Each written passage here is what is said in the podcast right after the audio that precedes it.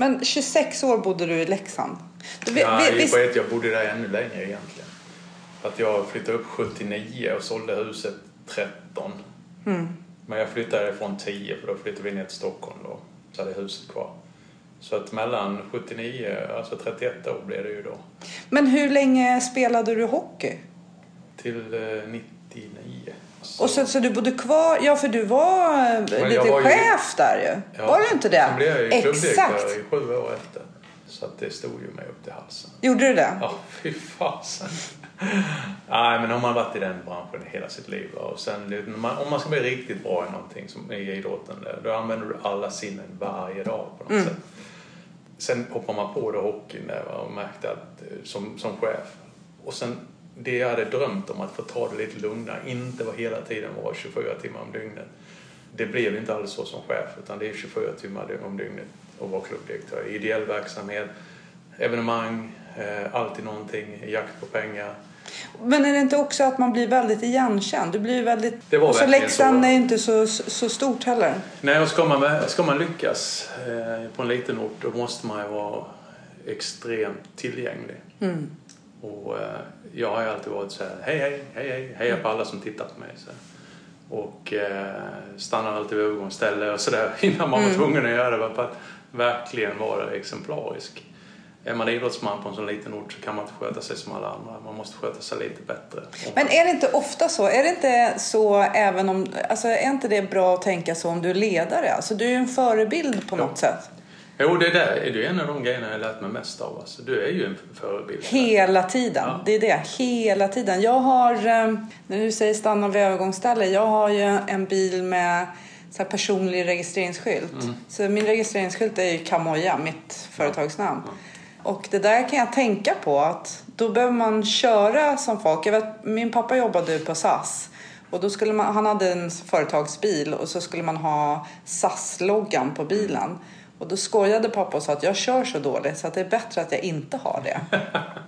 Men jag tänker att med den där, alltså är det logga eller är det liksom att du har ett ansvar på något sätt? Man behöver stanna vid övergångsställen och man behöver hålla hastighetsbegränsningen och man kan inte flippa Nej. ur liksom på någon annan trafikant för att man Nej. har ögonen på sig. hela tiden. Men så är det ju också att vara ledande spelare i ett lag eller på en arbetsplats. Du har ju ögonen på det. Du sänder ju signaler hela tiden. Och ju högre upp i organisationen, ju mer du har liksom någonstans att säga till dem, desto mer speglar de ju sig i dig. Och det, det tror jag att eh, har varit en av mina absoluta styrkor. Att orka vara en förebild alltid. Eh, även, alltså, idrott handlar ju väldigt mycket om att kunna leda sig i de värsta situationerna och de bästa situationerna. Och någonstans balansera sig där. Det vinner man respekt på tror jag. Om man inte går bananas när man förlorar eller blir liksom helt hybris när man vinner. Utan någonstans hitta den, eh, den balansen. Men är det likadant i ledarskap tänker du? Så här, eh, att hitta balansen. För jag tänker att eh, nu kanske inte det är att man ska liksom go bananas när man inte vinner eller när man inte når resultaten liksom. Men att vi generellt sett i Sverige i alla fall tycker jag är dåliga på att fira framgångar. Mm, ja, men det har jag också tagit med mig från idrotten och fyra framgångar. Ja. Nej, men det, det är en sak att vara balanserad och en sak att vara emotionell på något sätt. Emotionell kan man ju vara liksom utifrån att när vi lyckas med saker så kan jag ju gå upp i det så att tårarna börjar rinna på mig när jag berättar för personalen. För jag blir så stolt. Va? Och det tror jag, det, det blir också en sån där del som att honom vill vi följa. Han gör det här genuint, han gör det jäkligt ärligt. Va? Men gör du det alltid ärligt? Ja, det, det måste jag nog säga.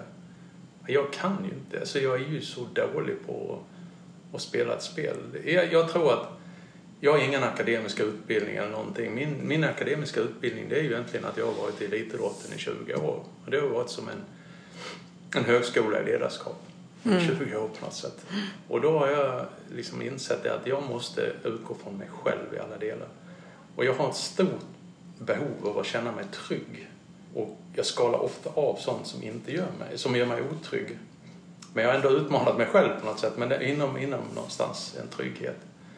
Och signalerar man trygghet och då, då kan man också vara väldigt ärlig i, i hur man är.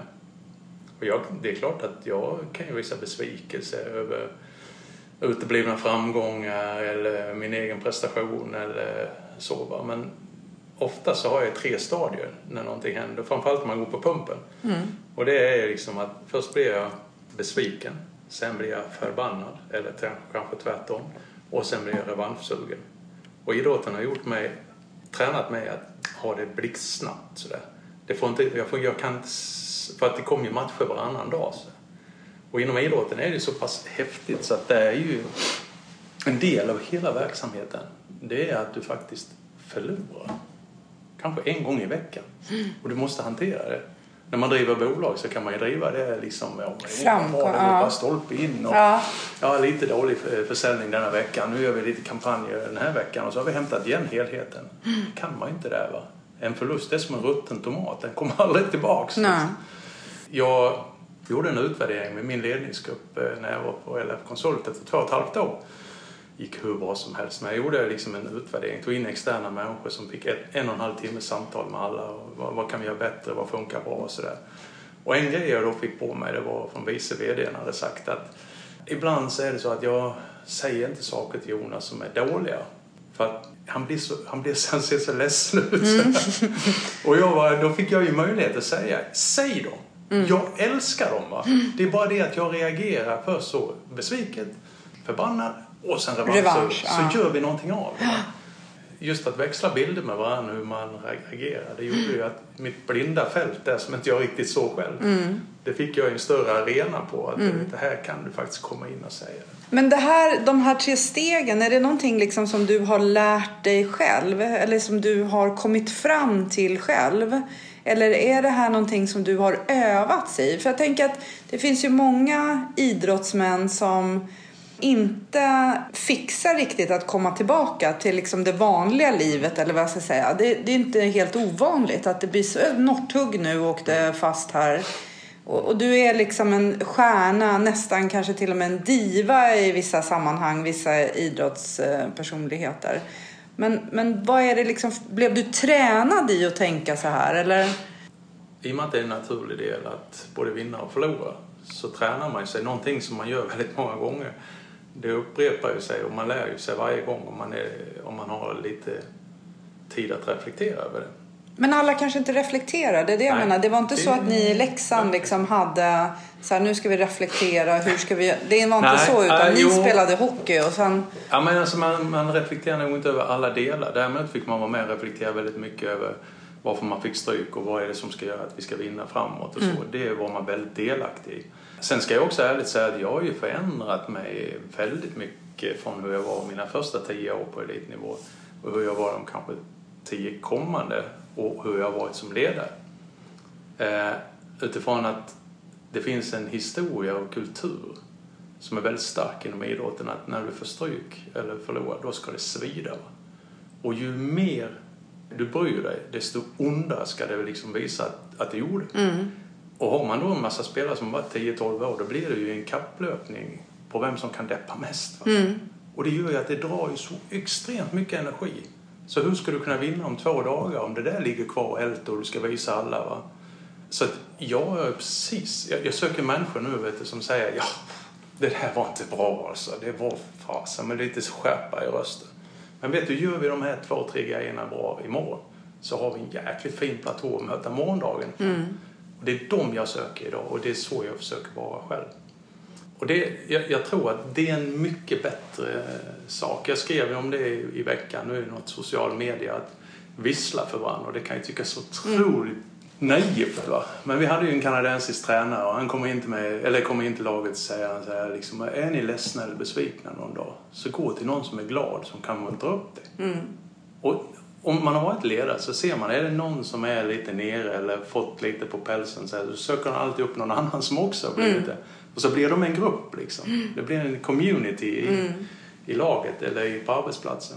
Men istället liksom söka sig till någon som man vet, den här ger mig energi. Ge ener- energi, ja. Ja, här kan jag bli glad. Att vi också skulle ta emot dem som var lite ledsna och vissla för dem. Och man tycker så här, vad fasen ska vi börja vissla för varandra? Ja. Men det funkar. Mm. Och grejen var det att vi kunde ju sitta då Jag kom in efter en match, jag hade fått storstryk, in och satte mig längst bak i bussen. Vet att det är sex timmar hem och det är 20 minus och klockan är 11 på natten. Va? Och så går man med tunga steg, sätter sig längst bak. Och så hör jag min kompis Thomas Jonsson som är den sämsta förloraren av alla. Då hör jag, han sitter tittar på mig så här. och det blir exakt den reaktionen. Va? Vi skrattar. Ja. Och folk tittar på oss som, för vi var ju där då på den tiden. Vi var ledande i laget och vi deppade rätt mycket efter förlust för att visa både oss själva och kanske det vi kände också. Mm. Men eh, det blev en, liksom en sån här en otrolig förändring i mitt liv efter den enkla kopplingen. Visslingen, ja, Ja. det är faktiskt... eh, För jag tänker att, att är man eh, på dålig sur eller liksom irriterad för någonting så söker man ju ofta upp någon som man kan bonda kring sin surhet i. Och att det någonstans ger energi till den dåliga känslan men inte energi till mig som person.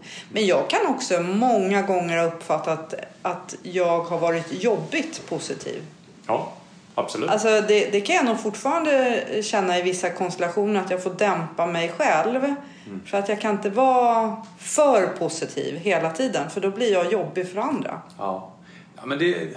Hon bara visslar hela jävla tiden. Ja, ja. vet, ja, ja, men absolut. Förstår du jag menar? Ja, jag förstår Fast- exakt vad du menar. Det är så... alltså jag eh, var på en arbetsplats en gång och då tog jag upp en av medarbetarna och så sa jag det, men alltså ärligt talat, hur orkar du vara så negativ? Mm. Och då sa han, ja men du är ju så positiv. Så. Han någonstans ville hitta en balans mellan det där. Så han kanske tyckte att jag var lite väl så. Mm. Men då sa jag till honom också, men då har du läst mig helt fel. För ju mer negativ du är, desto mer positiv måste jag vara. Annars går helheten under. Så att man är, det beror på vilka man har eh, runt omkring sig också. Har man människor som hjälper till att dra sig så kan man ju hålla en lite annorlunda position. Men jag har också varit väldigt noga med att inte bli en hejaklacksledare. Varken som spelare eller ledare. Och framförallt som spelare så, så gillar jag att ha väldigt kul. Hålla lite hov i bussen så folk liksom tyckte det var kul i de jobbiga stunderna. Men så kliver man in i omklädningsrummet och så har vi en uppgift att göra. Då liksom Då är det fokus. Då är det liksom. fokus. Ja. och jag har varit med eh, många människor som har varit den där men inte riktigt lyckats ta det där klivet att Bli nu seriösa. är det. Utan när det är lite jobbigt så är det lätt att man hamnar i den där Peliönsfällan. Mm. Att man skojar bort saker för att det är liksom, då kommer inte det jobbiga som man faktiskt ska göra nu Mm. riktigt åt en. Men man måste få sjunka in i det där liksom och veta att nu har jag en uppgift att göra och samla kraft i det roliga där och så trycker vi kraften när det verkligen gäller. Just det, men, men sen också, för när du säger det roliga. Jag har ju i, i mitt ledarskap gjort väldigt mycket bus. Liksom, så här, roligt som kanske har varit så här, nästan utanför boxen för vuxna människor. Jag har nästan liksom plockat in barngrejer i en vuxenvärld. Och då är det ju också att det tycker vissa är roligt. Ja. Men vissa människor tycker inte alls att sånt är roligt. Och tycker liksom så här, vi är faktiskt här för att göra en uppgift. Och de samlar inte energi. Jag tänk- tänker, ska man leda en hel grupp så behöver man ju förståelse för hela gruppen och också de för varandra. För, förstår du vad jag menar? Ja, jag så när man hejar precis. på i bussen om det är det. Ja. Så är det några som tycker så här, men kan du inte bara sätta dig ner och vara tyst nu ett tag? Så vi får Och jag har hört hem. dig prata också om grejer som du har gjort som jag liksom verkligen går igång på som jag tycker är jättebra. Att, det här att man ska, ja, en ska sluta varje vecka och man ska... Alltså, jag tycker Mm. låtsas, det är jättebra. liksom. Ja. Ja. Men det är, någonstans så måste det också... Man måste ha en analys på hur man är i gruppen. Mm. Alltså för det är så, om 70% tycker det är bra så kanske kraften blir större än att man försöker anpassa sig till alla hela tiden. Så Mm. Det går ju inte riktigt. Men jag, jag brukar säga det att man kan inte behandla alla lika som ledare.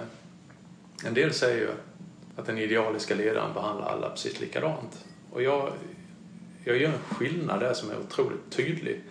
Det är att jag behandlar människor efter hur de, hur de är på jobbet. Så att säga, alltså en del behöver utmaningar och en spark i ändan brukar jag säga. Men andra behöver kanske mer beröm och en chokladkartong och en, en nallebjörn för att de ska fungera. Och det är mitt, mitt ansvar som ledare faktiskt att se det. Men sen när man kommer till regelverket, det vi har att förhålla oss till, det är vårt beteende som synbart syns om man, vad man gör och inte gör. Där är jag stenhård att det gäller alla. Mm. Och det, det tycker jag är en distinkt linje. Liksom. Förstår du vad jag menar? Ja, jag förstår verkligen hur du menar. Och det där är, det, det tror jag också. Sen kan det vara svårt. Ibland så kan det ju vara så att det är någon som eh, behöver eh, positiv feedback om choklad, chokladkartong och sen är det någon som är ganska tystgående eller självgående mm. i det tysta mm. och som aldrig får den där chokladkartongen men som kanske faktiskt skulle uppskatta den ibland. Så det, det, det är svårt, men det är ju samma sak där egentligen att det borde man som ledare, alltså man behöver se, man behöver jag hade ju någon äh, gäst här i en podd, då pratade vi om man får ha favoriter. Hon, hon är skolchef. Hon bara, jag har aldrig haft favoriter. Och jag bara, har du inte? Har du haft det i, i ditt ledarskap?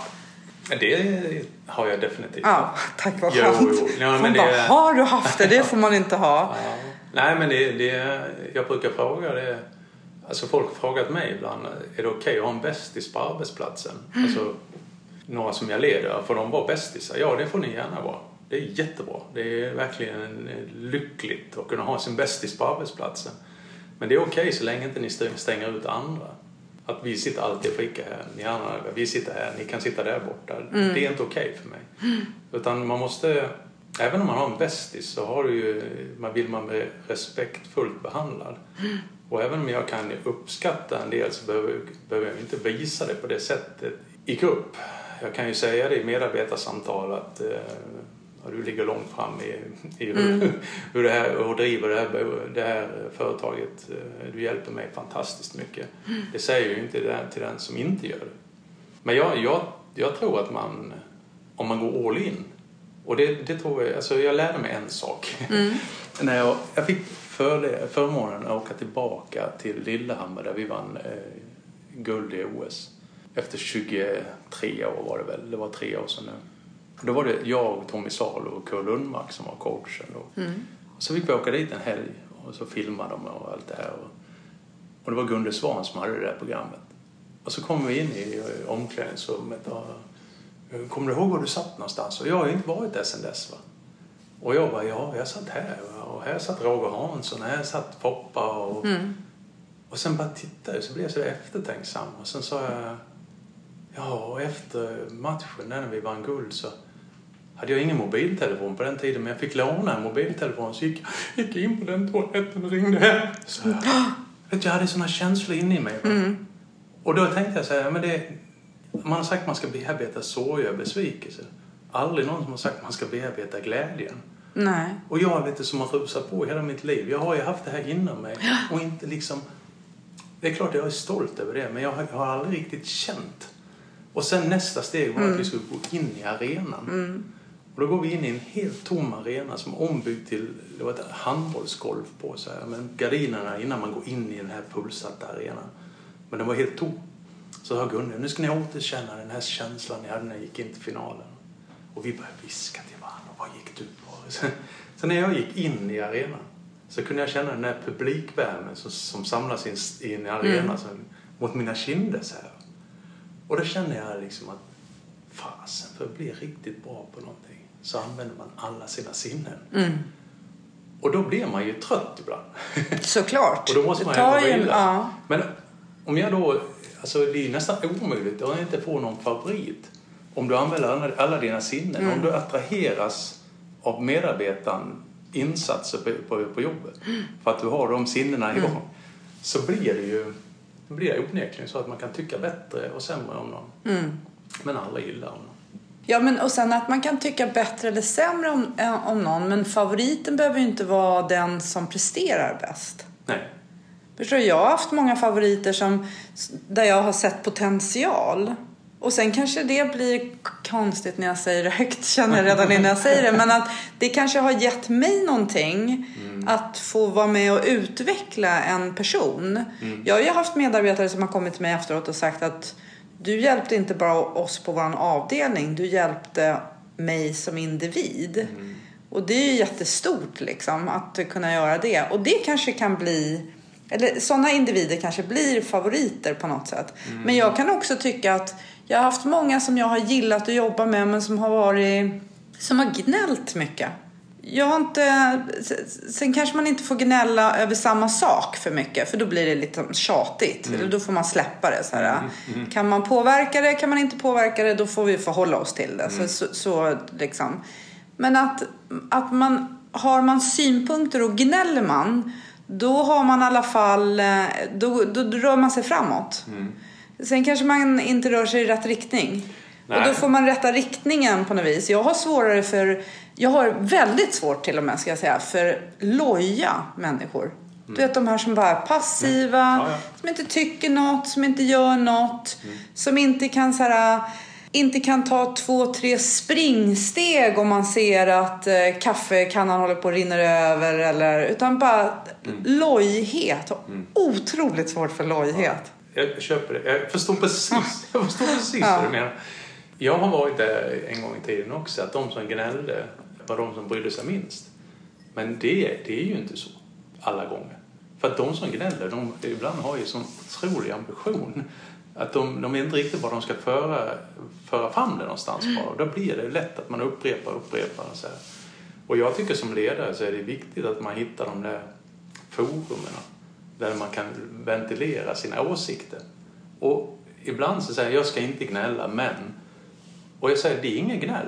Det är ju konstruktiv kritik. Och, och säger man i rätt forum där man faktiskt har möjlighet att göra någonting åt det då tycker jag det är konstruktiv kritik. Just det, och sen samtidigt kan jag tycka, för att det finns ju många som då, om, man, om det är konstruktiv kritik eller om man uppfattar det som gnäll från att, att det kommer i fel forum men att det också kommer om och om och om igen. Och vi, vi borde göra så här, varför gör vi så här?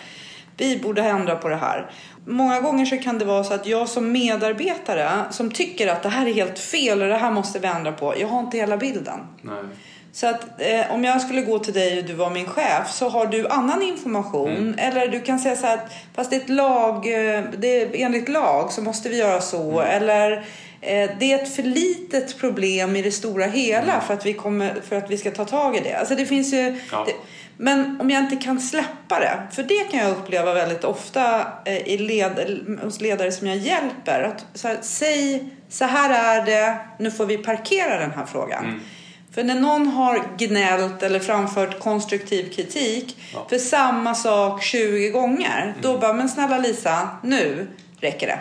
Mm. Nu får du parkera den och så bara, det, du får förhålla dig till att det är så här. Ja, så är det. Jag brukar använda ordet, bara tugga i oss det. Ja. Och det är, ibland är det ju så. Ja. Man måste tugga i sig vissa grejer. Det kan inte ligga liksom och överskugga allting annat.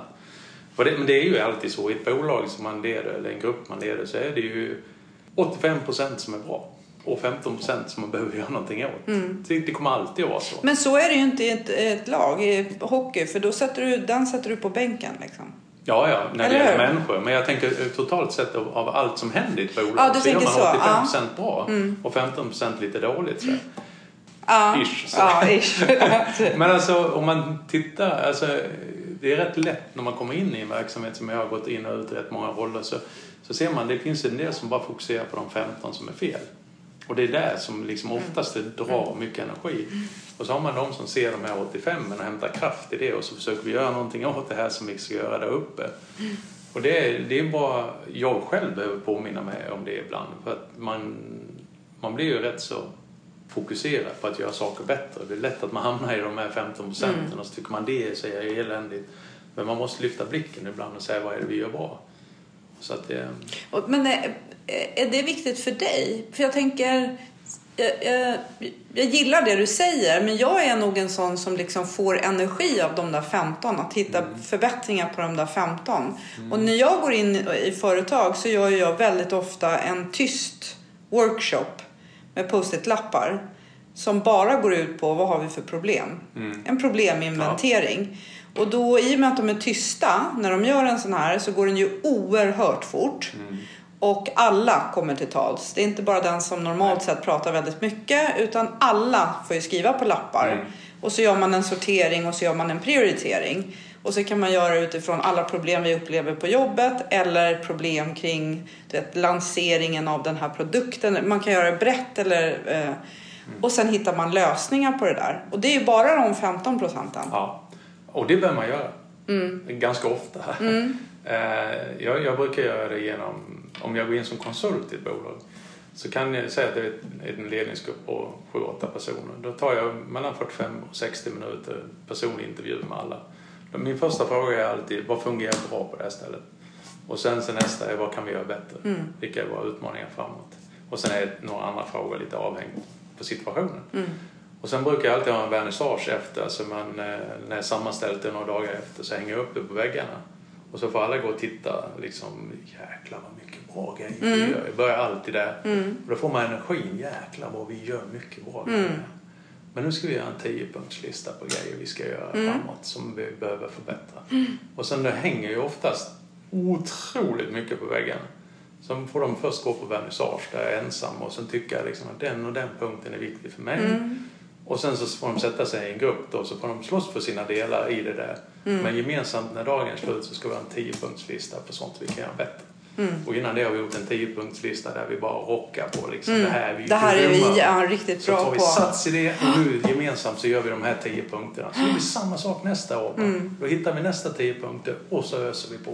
Det här är lite roligt att du säger också. Jag kommer att tänka på när jag jobbade på SAS så hade vi en, en medarbetarundersökning som de flesta företag har och vår hette Pulsen.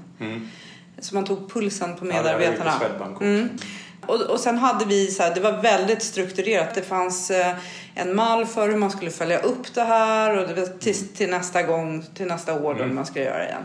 Och då så skulle man välja ut fyra punkter som man skulle göra actions på för att förbättra. Något resultat som kanske man ville förbättra. Och då vet jag att jag hade en tjej som jobbade hos mig då som hette Annika. Hon, hon sa så här, fast jag tycker att vi ska, för vi hade ett väldigt bra resultat. Generellt sett hö, högt bra resultat. Så hon sa så här, jag tycker vi ska ta en punkt där vi har väldigt högt resultat och som vi är nöjda med. Och så vill jag att vi pratar om den punkten först.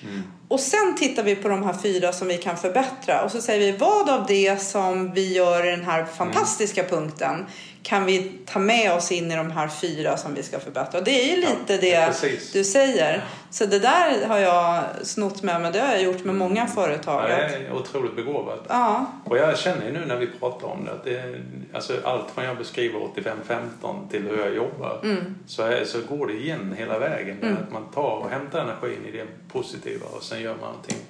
Man får inte låtsas att inte det finns. Det är inte det jag menar. Nej, alltså. Det nej. är det som behöver göras bättre.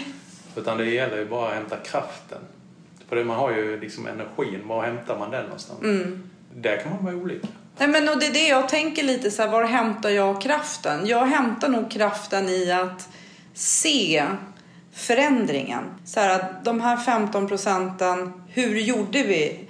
Du vet att checka av på en actionlista. Bara, nu har vi gjort det här, det här, det här, det här och nu mäter vi igen och nu vart det bättre resultat. Det är Det, skönt. går jag nog Ja, ja men jag också. Vi, jag, vi hade ju någonting eh, när jag var kontorschef på Swedbank i Halmstad. Det är ju ett kontor med 40 medarbetare i olika roller. Så.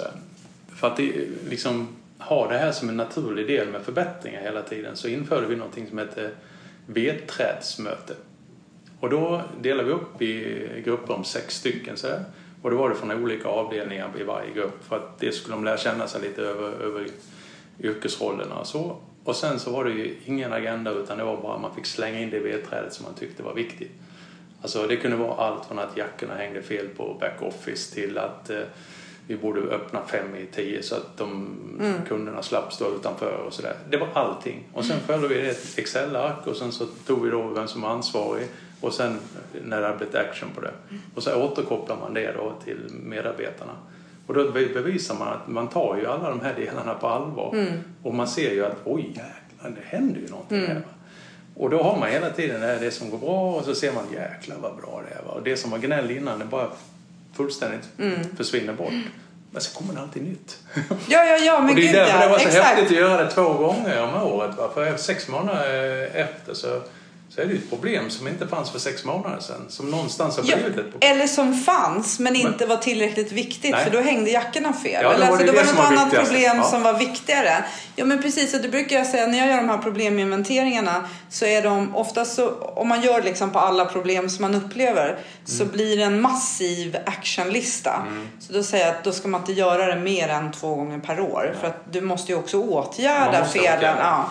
Men det finns väldigt mycket low hanging fruits. Oh. Man delar in lösningarna också i vad som är möjligt alltså vad vi, eh, och hur mycket det påverkar det här problemet. Om det har stor påverkan eller liten påverkan. För, för ibland så är det, jag vet att jag gjorde en sån här övning när jag var gruppchef ute på Arlanda. Och då var en av de saker som kom upp som ett stort problem, det var att det inte fanns saxar i incheckningsdiskarna. Då- Då, kom passagerare med, med gamla bagagetaggar på sina resväskor. Ganska hårt klister är det ju, för Ja. de ska klara både kyla och värme och det är hårt liksom. Och så drog man loss det där och så det var kanske någon nagel som gick och sådär. Saxar incheckningsdiskarna. Det var ju ett väldigt lätt problem att åtgärda. Och då är det lite så low hanging fruits och så gör man flera sådana så får ju det påverkan på många sätt för att medarbetaren märker ju också att det, jag säger till om sax. Då händer, det kom, ja, vi får saxar om vi säger till. Då, då blir det också ett, ett större klimat. engagemang. Ja, Jag gjorde ju, när jag kom in som koncernchef på AI-produkter till exempel, då hade jag 130 man på huvudkontoret. Och där kan man ju liksom inte göra det på samma sätt. nej. Men där var det viktigt, de har haft en och samma ledare hela, hela sitt liv och det var han som ägde bolaget. Och så kom jag in och ska vinna ett förtroende på något sätt. Så första mötet jag hade, då hade jag lagt penna och papper på alla stolarna och sista frågan var eh, om du var VD för en dag då skulle jag göra det här och det kände man ju igen. Men det var bland det bästa jag gjort där. För att sen fick de lägga det i en brevlåda utanför när de gick helt eh, anonymt. Så sammanställde jag den där och sen så gick jag ut. Ja, det här har kommit fram. Och du vet, det var så många lågt hängande frukter. va. Och då på sex, första sex månader kunde jag jobba igenom den listan och så kunde jag varje gång vi gjorde någonting åt det kunde jag referera till Tack för tipset, nu är det genomfört. Och där tror jag man vinner både förtroende som ledare och så har man ju ärlig avsikt att göra saker bättre i medarbetarnas vardag. Men det där är också en, en grej. Nu har jag hört dig säga det flera gånger hur du återkopplar. Alltså att du, och, och det är egentligen, alltså det är ju det smartaste sättet att kommunicera. Men jag upplever att ledare generellt sett är ganska dåliga på det. Att koppla saker, både kan ju vara till värderingar som företaget har. Ja, men, eh, jag skriver på det här sättet för omtanke är en av våra värderingar. Att inte bara walk the talk, alltså föregå med gott exempel. Utan också talk the walk. Och att koppla tillbaks till den här listan eller till liksom att göra det hela tiden, för då är det samma sak. Annars är det lätt att man betar av den här listan och man sitter och skriver och man jobbar jättemycket. Men man missar att återkoppla till den som sa det eller gjorde det eller... Ja, men det är som att spelregler till exempel. Så är de hur tydliga som helst. Men det är ingen som känner till dem. Nej, De precis. Nej, exakt. Ja. Det blir inte bra. Nej.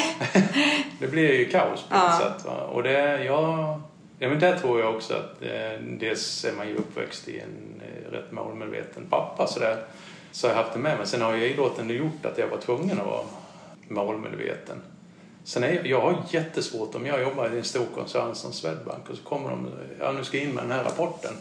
Det kan vara en prognos för kommande två månader eller någonting. Och sen hör jag aldrig någonting om Nej. det någon gång mer. Här lägger jag ner en jäkla massa tid på så på pricken försöka få det så rätt som möjligt för att tänka att det ska ackumuleras upp till någon helhet. Och så vill jag ju liksom ha en återkoppling där liksom, tack för att du höll det där va? eller nu klarar vi det här. Och, annars så tycker jag det är sörja.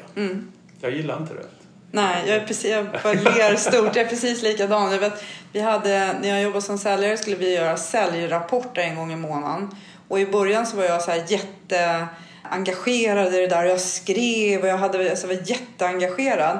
Och sen någon gång så såg jag vad de gjorde av de där säljrapporterna som vi skickade in. Och då tog de bara någon mening Ja. liksom. Och la in i någon ännu större rapport som skulle någon annanstans. Då tänkte jag så här, det är ingen idé jag sitter och skriver det där. Jag skriver bara två meningar. Och så kan de ta de två meningarna. Det räcker ju.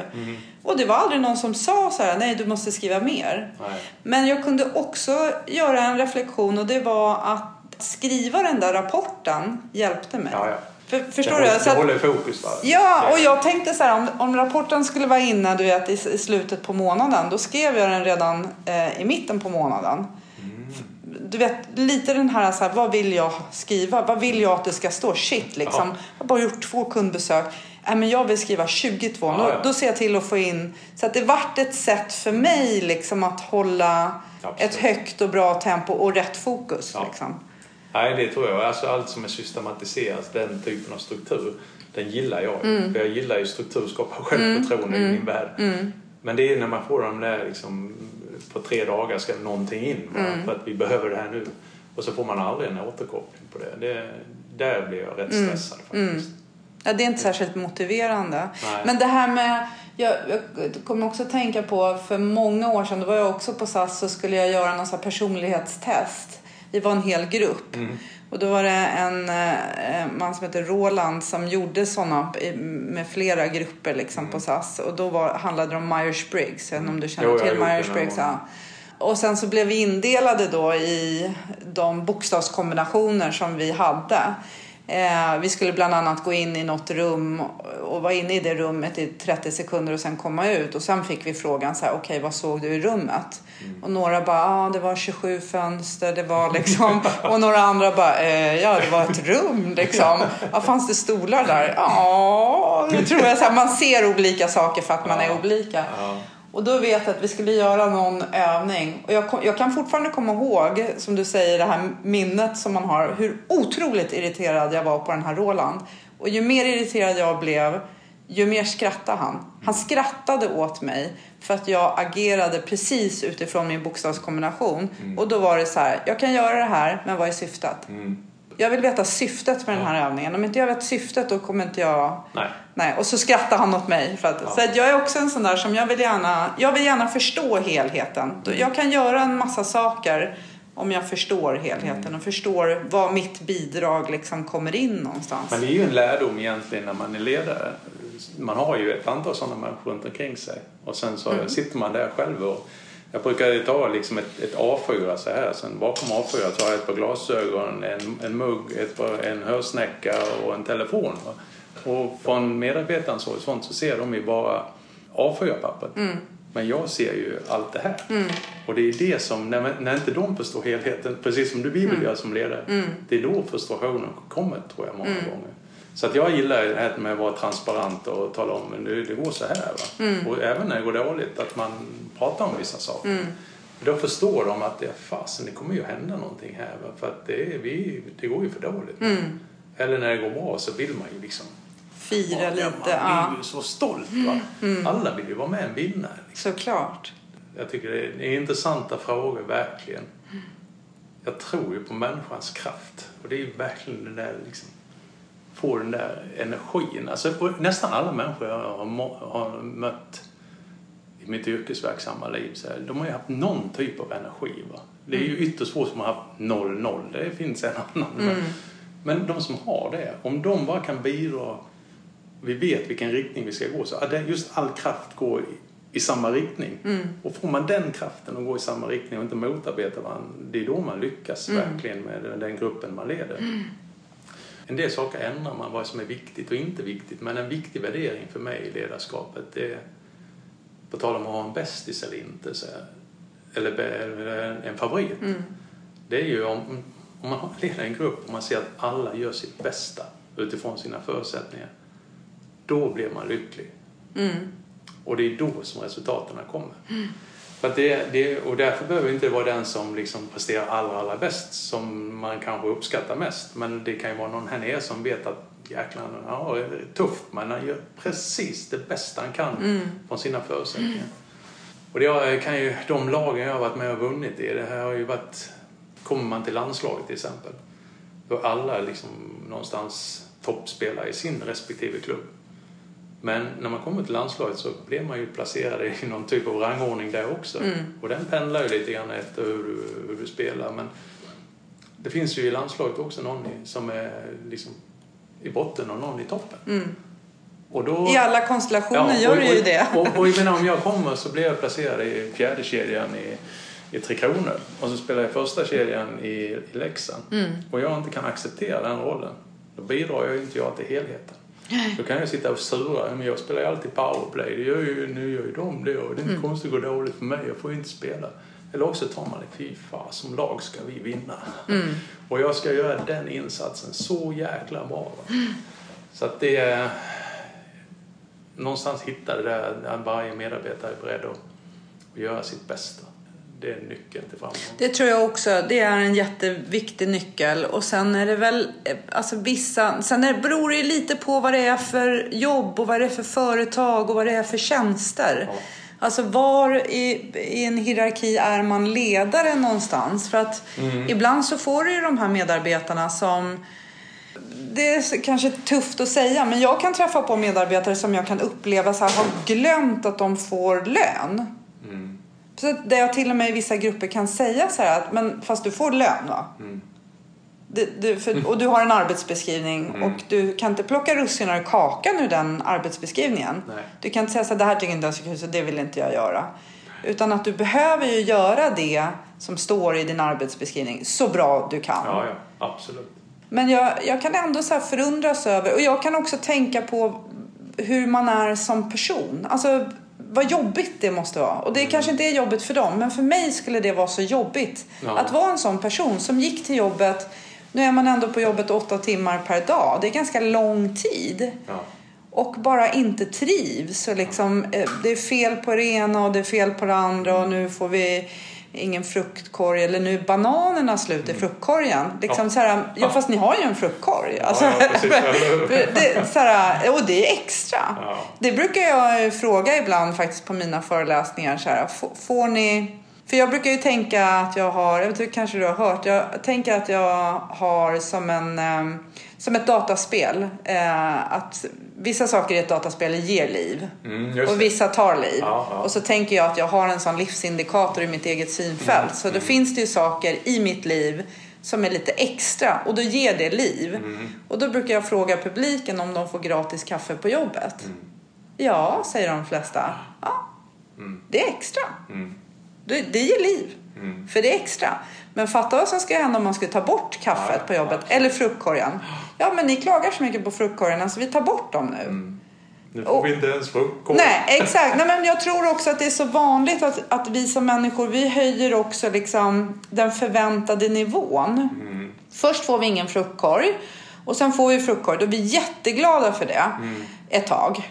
Men sen helt plötsligt bara, nej fast bananerna, det är för få bananer. Är inte det konstigt liksom? Jo, att det är alltid bananerna som tar slut alltså. Men så är det alltså egentligen i alla relationer så är det ju det där egentligen. För att i kundrelationen också så är det ju så här, du kan ju titta på din gamla arbetsgivare. En gång i tiden, mycket av det ni erbjöd var ju ett mervärde för kunden. Mm. Och så kommer andra in och så gör de precis samma sak. Då blir det en hygienfaktor Mm. plötsligt.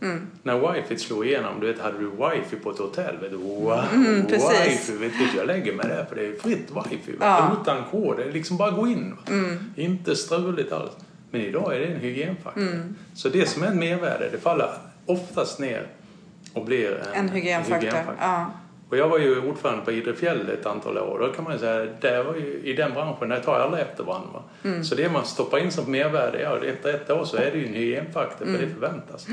Men om man tittar på att det är ett fjäll som ligger där så är det ingen som kan kopiera fjället. Va? Då är naturen och själva upplevelsen, närheten till backarna, det, det kommer ju vara ett kundvärde och ett mervärde rätt länge. Så, Mm. och det kan inte en del konkurrera med. Nej. Och då måste man ju föra fram det i marknadsföringen också. Då kan man inte säga liksom, vi har fritt wifi. Ja, Mm. Nej. Det ska ju... Du, de skrev att de har fritt wifi. Ja, blir, fasen har inte ja, det? nej. Och det, jag tror det är, det är lika när man leder människor. Det som man för över som mervärde, det är det. Och sen blir det en hygienfaktor. Mm. Tänk om alla arbetsplatser skulle ta, ta bort kaffet idag. Mm. Alltså det är, en gång var det ju ett mervärde.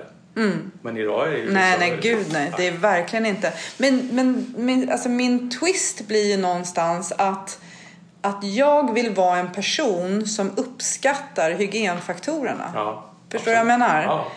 Att jag liksom så här, shit vilket gott kaffe vi har.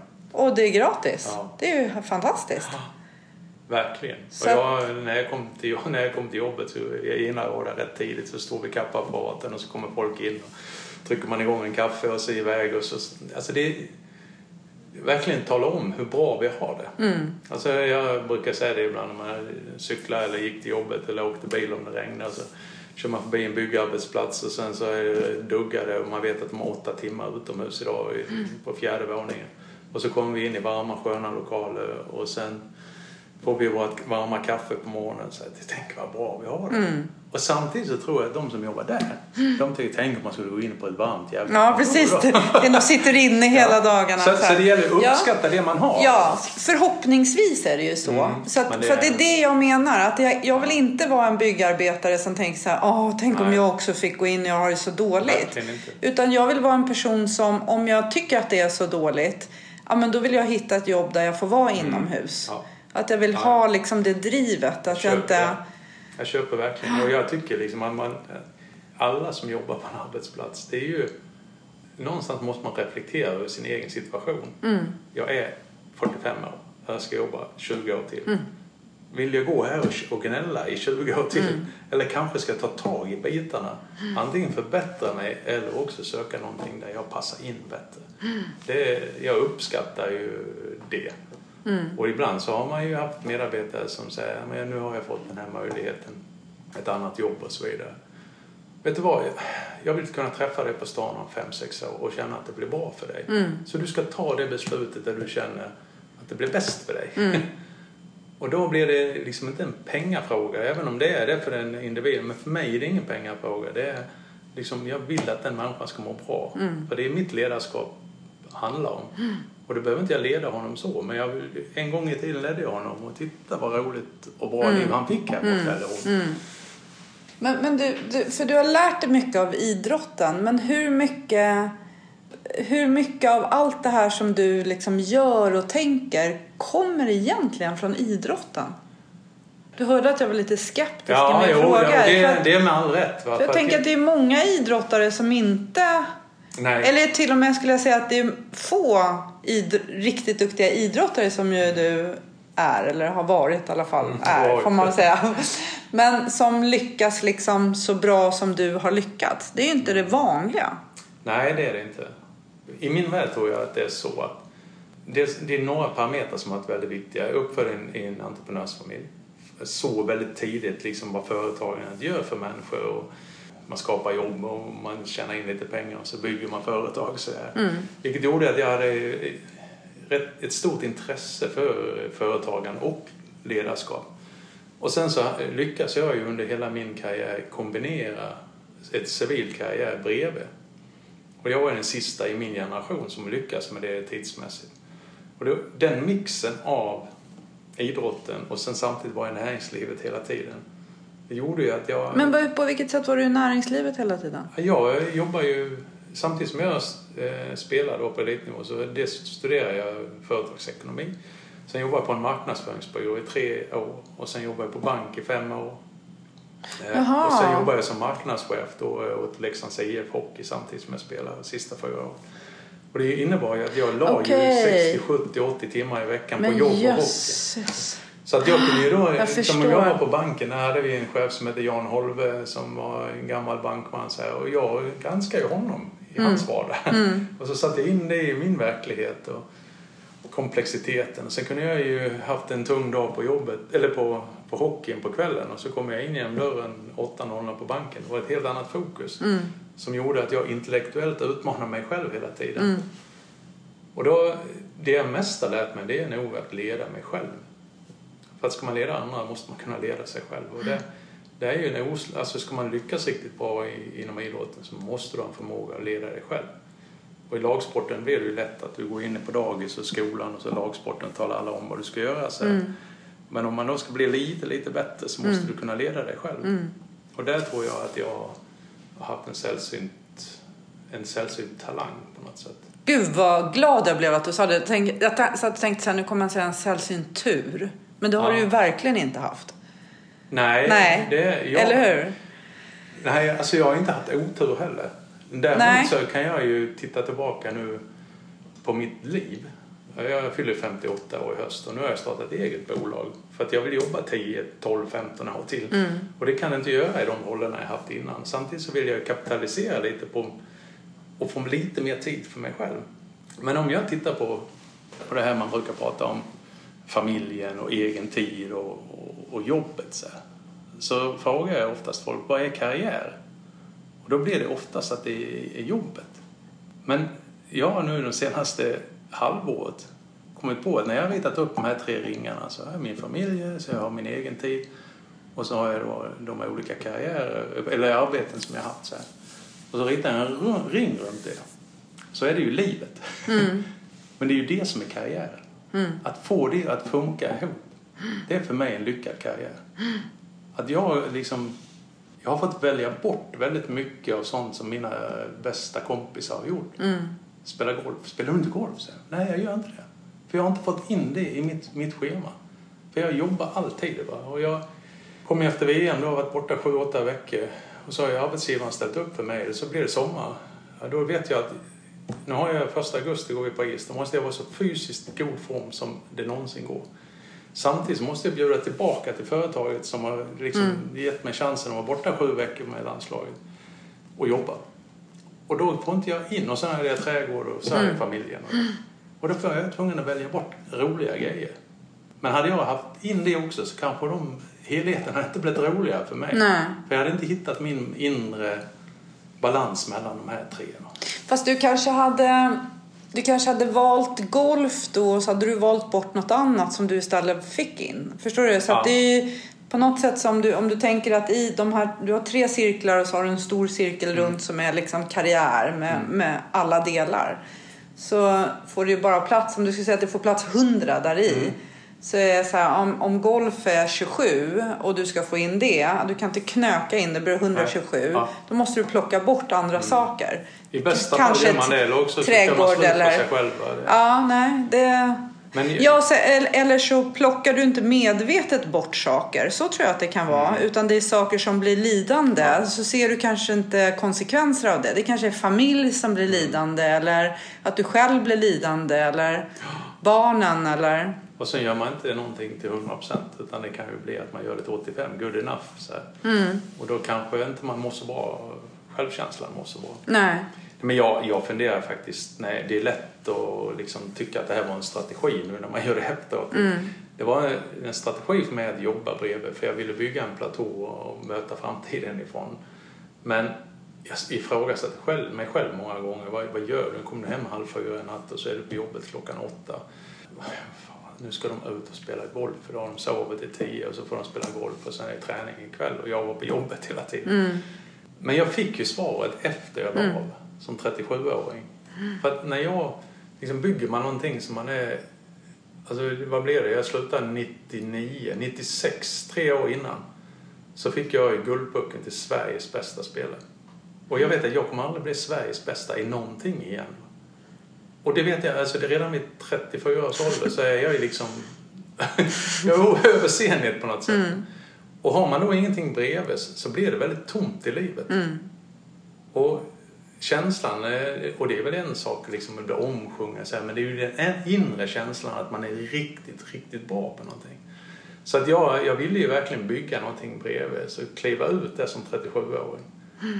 Och det gjorde jag. Nu har jag haft 20 jättefina år. Mm. 21 till och jag har aldrig varit bitter på hockeyn. Jag har aldrig saknat någonting så här. Det är folk, jag börjar få den frågan jättemycket. Saknar du inte det här att spela hockey? Jag saknar två saker egentligen. Det ena är att vara så fruktansvärt vältränad. Mm. det finns när man är odödlig, liksom, man är mm. så jäkla stark. Och det andra kan ju vara liksom att spela sista minuten i de riktigt viktiga matcherna när du sitter på bänken och du vet att nu kommer det avgöras. Och så knackar coachen dig på ryggen. Säg nu. Bergqvist, you're up. Och sen ska man in. Mm. Och det är ju helt magiskt. Ja, jag förstår det. Det är så bra. Va? Det är därför jag gillar att hålla föredrag säkert. Va? För att jag, det, du, vi delar ju säkert det. Mm. Vi gillar att stå där. Någonstans är man ju eh, exhibitionist på något sätt för att ställa sig där. Samtidigt så vill man ha någonting att säga. Mm. Och sen så får man ju ändå lite grann av det här liksom. som att komma in till en fullsatt arena. Jag, jag älskar ju den mm. spänningen. Känslan, Känslan liksom. Mm. Och känna att man berör folk. För det gjorde man ju med, idrotten. Så här, men, och det gör man ju när man är på en ledarposition också, man ställer sig inför personalen. Så har man ju liksom två val. Antingen gör jag det här liksom slentrianmässigt eller så ger jag någonting lite extra och bygga framtiden på. Men jag gillar ju verkligen att göra det. Sen är det ju så att du älskar att prata kan ju folk säga till dig och mig Mm. förmodligen. Men det, ni älskar att prata. Men gör man någonting väldigt mycket så blir man ibland trött på sig själv. Mm. Så jag har ju rätt stort behov att sen bara samla kraft, hämta energi och sen upp igen. Mm. Så att jag är rätt eh, restriktiv liksom hur mycket det får vara för min egen del. Mm. Och där är man ju olika hur man orkar hämta kraften. Jag vill alltid göra ett bra jobb. Och jag, jag vet inte hur du är men alltså jag har ju en lista. Ja, du, jag har ju sett dig prata så jag, menar, jag, jag, har, jag har kanske tio punkter som jag brukar lägga nere på scen. Jag pratar utan bilder.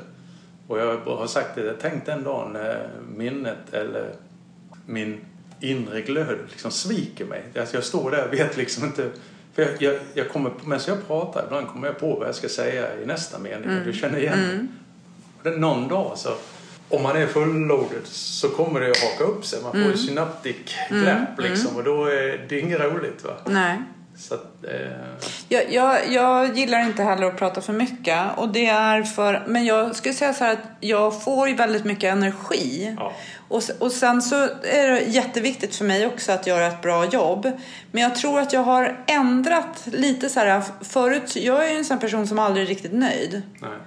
Så jag kan ju tycka så här, ja men jag, ah, där borde jag ha berättat det där eller åh det där missar jag eller den lite- där pauseringen, du vet jag kan vara nere på 90 gritty nivå. Ja. Men, men där har jag nog ändrat mig lite eh, och, och tänker mer så här att om publiken är nöjda och, och, och i flyget så hade vi ju två kunder. Man, man sa att man hade buyer och flyer. För det var inte alltid samma som betalar resan som flög. Liksom. Och det är lite samma sak när man föreläser. Jag har ju någon som betalar fakturan eh, som ska vara nöjd. Men publiken som lyssnar ska ju också vara nöjd. Så det, det är två olika liksom. Men att, jag, jag tänker så här att jag är nöjd när de är nöjda. Mm. Eh, och jag vet att jag har mycket högre krav på mig själv än vad de har. Mm. Så att, sen kan jag ta med mig och säga så här 15 procenten. du vet de här grejerna skulle jag kunna gjort bättre. Eller det här var bra. Eller... Sen har jag bilder. Mm. Och jag har inte bilder så mycket för min egen skull utan för publikens Ja. skull. För ibland så behöver publiken en bild att titta Mm. på. Men jag har bara bilder. Så jag kan göra precis som du. Jag kan komma på saker. För till just den här bilden så har jag 200 Ja, olika saker precis. jag kan säga. Ja, det har man ju runt punkterna där och det är ju där man kan Exakt. bli miss, missnöjd ibland när man känner liksom att under den punkten ska jag säga det och så blir det en bra twist på att avsluta med den. Men då går man för fort över till Ja, nästa och då har man bommat den och Ja. då, då gnager det igen. Va? Men helheten kanske ändå blir bra. Va? Och, och kunden blir nöjd och publiken får med sig någonting. För det är också en sån här sak som jag har, har varit viktig för mig. Att jag vill inte bara vara en inspiration. Nej. Jag vill att folk ska ta med sig någonting. Jag vill gärna du vet, att folk kommer fram sen. Bara, jag lyssnade på dig för tre år sedan och det här.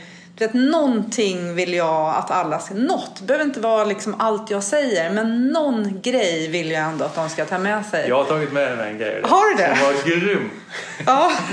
Och det var faktiskt det var rätt roligt. För det här handlar om när jag, jag gick in i banken som då, eh, Swedbank på, som kontorschef. Jag hade ett uppdrag där på två, tre år, seniorchef sådär. Och sen skulle man göra en stor omorganisation och söka om sina tjänster. Och jag kände redan då att nu kommer jag nog att starta eget bolag. Och då pratade jag med hon som var regionchef. Hon sa, men du kan tänka dig att bli biträdande regionchef då, sa hon. Ja, man funderar över det från och till. Och sen om jag kan göra de här sakerna så kan jag verkligen hjälpa dig som regionchef. Och så kom vi överens om det. Ja, det är superbra samtal. En underbar människa, Anna heter hon. Sen var jag tvungen att upp på ett farfarsamtal med Sverigechefen på banken. Och nu kanske jag säger för mycket men jag tycker det var rätt roligt. Ja. Och då visste jag ju det att jag hade otroligt liten erfarenhet från bank egentligen. Om man tänker på alla mina som, alla, chef, alla som var chefer på de nivåerna. Och så tänkte jag, han kommer ju ställa frågan här liksom. Ja okej Jonas, ja men ehm, din erfarenhet från bank. Och då hade du varit och pratat på oss på ledardagarna på banken i januari och det här var ju lite senare. Då sa jag till honom, ja men du tog ju dit Kamoja som pratar att man ska stjäla från andra branscher. Precis. Så då, Ja. nej, nej, för att säga, ja men jag har ju varit i banken i tre och ett halvt år nu, sa jag. Och då funderar du säkert, har han tillräckligt mycket bankkunskap? Mm. Men du tog ju dit Kamoja av en anledning, att stjäla från andra branscher. Mm. Hur skulle jag då kunna ha erfarenhet från andra branscher om jag hade varit i banken hela mitt liv? Ja. Det har du rätt i. det är rätt. Jättebra.